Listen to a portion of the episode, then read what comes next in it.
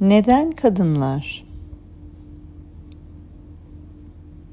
kendilerini onlara ait olmayan kaplara sığdırmaya çalışırken yaralanırlar. Sağa sola parçalarını bırakırlar. Hayallerinden, arzularından vazgeçerler ve bunu doğal sayarlar. Neden kadınlar ihtiyaçları olan can suyunu, ihtiyaçları olan tek başınalığı, sessizliği, bir aradalığı, tutkuyu, tatmini talep etmezler. Neden bir hayatın yarısına, dörtte birine, onda birine, eldeki kadarına razı olurlar? Neden? Bir küçük masalım var. Adamın biri bir terziye gitmiş ve bir takım elbise denemiş. Aynanın önünde dururken yeleğin alt kısmının bir parça eğri olduğunu fark etmiş. Terziye sormuş burası biraz eğri mi? Terzi yanıtlamış. Yo yo hiç endişelenmeyin bu konuda sadece kısa olan ucu sol elinizle biraz aşağı doğru çekiştirmelisiniz. Böylece kimse bir şey fark etmez. Peki demiş adam ve çekiştirmeye başlamış ceketin alt kısmını. Ama o sırada yakanın düz duracağına biraz kıvrık olduğunu fark etmiş ve bunu sormuş terziye. Yok yok demiş terzi bu bir şey değil sadece kafanızı biraz çevirin ve çenenizle o kısmı aşağı doğru bastırın. Bakın ne kadar yakıştı. Razı olmuş adam ve bunu yaparken pantolonun iç dikişlerinin biraz kısa, arkasının da epey sıkı olduğunu hissetmiş. Aa demiş terzi. Size şöyle söyleyeyim.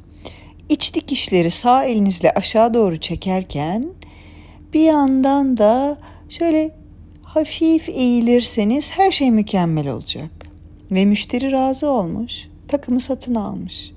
Ertesi gün terzinin yapmasını söylediği tüm el ve çene ve kol ve kafa hareketlerini yani bütün bu düzeltmeleri yaparak yeni takımını giymiş. Çenesiyle yakayı aşağı doğru çekiştirirken bir eli yeleğin sol ucunu öteki eli ise kasığının altını kavrayan şekilde aksayarak, topallayarak parktan geçiyormuş. Ve iki yaşlı adam onu görmüşler, birbirlerine bakmışlar. Birincisi demiş ki, vay canına şu sakat adama bak. İkinci adam demiş ki, evet evet sakat ama böyle güzel bir takımı nereden bulmuş acaba? İşte masal bu.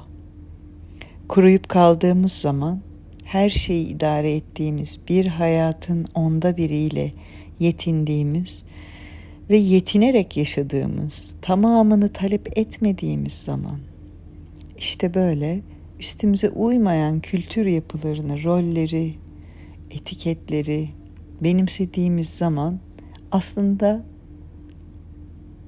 üzerimize çok şık olduğunu zannettiğimiz bir takımı giymiş gibi fakat bir yandan da sakatlanmış gibi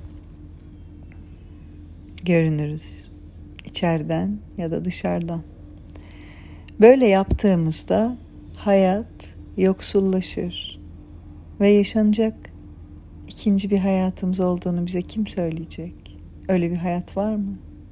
Belki de yoktur. Belki de vardır. Ruh derisi masalı. Bir kadının arada kaldığı yerden herkesin her şeyi ya da kendinin her şeyi olduğu yerden sadakatinin sınandığı yerden anlatılır. İşte böyle.